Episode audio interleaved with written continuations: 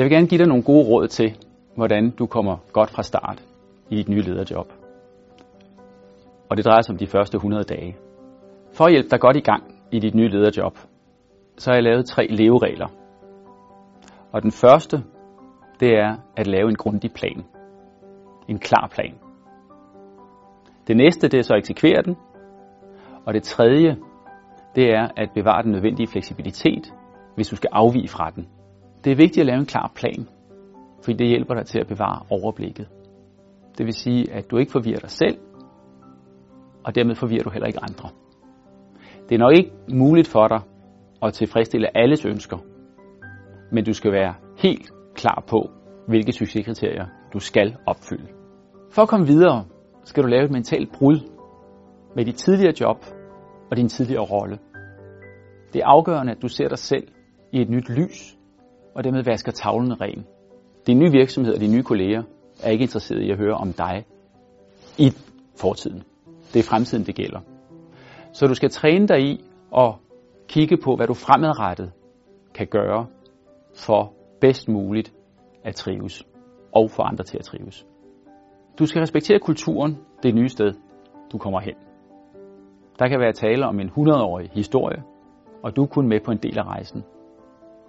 Så vis åbenhed, vis rummelighed, og lad være med at pege fingre. Du skal være klar over, at du ikke har noget fodfæste i starten. Du har ikke nogen autoritet. Og det kunne jo være, at dine erfaringer ikke bare lige kan overføres. Du skal accelerere din læring. Og det gør du ved at lytte til de signaler, som din krop og din hjerne sender dig. Du skal stille spørgsmål, og du skal få svar på de ting, som skaber usikkerhed. Det betyder, at du reducerer usikkerhed og skaber klarhed. Du skal være nysgerrig og stille spørgsmål. Det virker mærkeligt, hvis du efter tre måneder kommer og stiller et spørgsmål, du lige så godt kunne have stillet i starten. Du skal udvælge nogle temaer, som er enkle og som er overskuelige. Hvis du begynder at forvirre dig selv ved at inddrage for mange problemstillinger, så forvirrer du også alle andre. Det kunne være vækst, det kunne være eksekvering, det kunne være strategi. Det er jo ikke de første 100 dage i sig selv, der er afgørende.